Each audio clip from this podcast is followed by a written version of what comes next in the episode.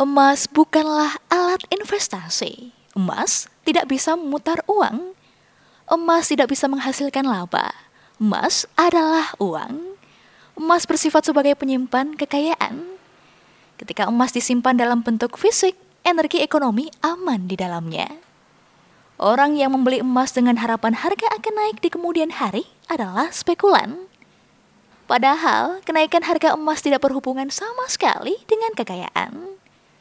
Kenaikan harga emas dalam rupiah tidak berarti apa pun, karena sesungguhnya nilai rupiahlah yang sedang turun.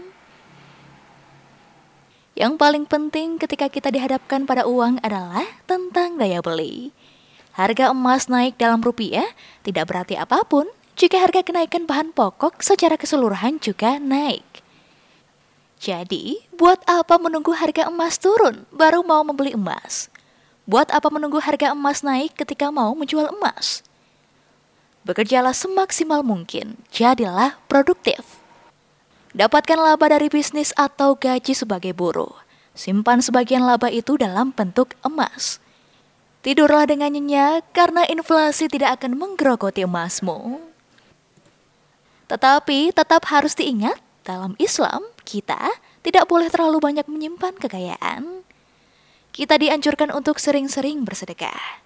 Kita gunakan secukupnya untuk diri, kita sedekahkan pada suami, istri, anak, dan keluarga kita. Kita sedekahkan pada orang lain, kita infakkan di jalan Allah. Dan kita gunakan kekayaan tersebut untuk diputar sebagai bisnis agar ekonomi terus berkembang. Ketika kita terlalu banyak menyimpan harta, kita akan dikenai zakat. Zakat adalah pengingat.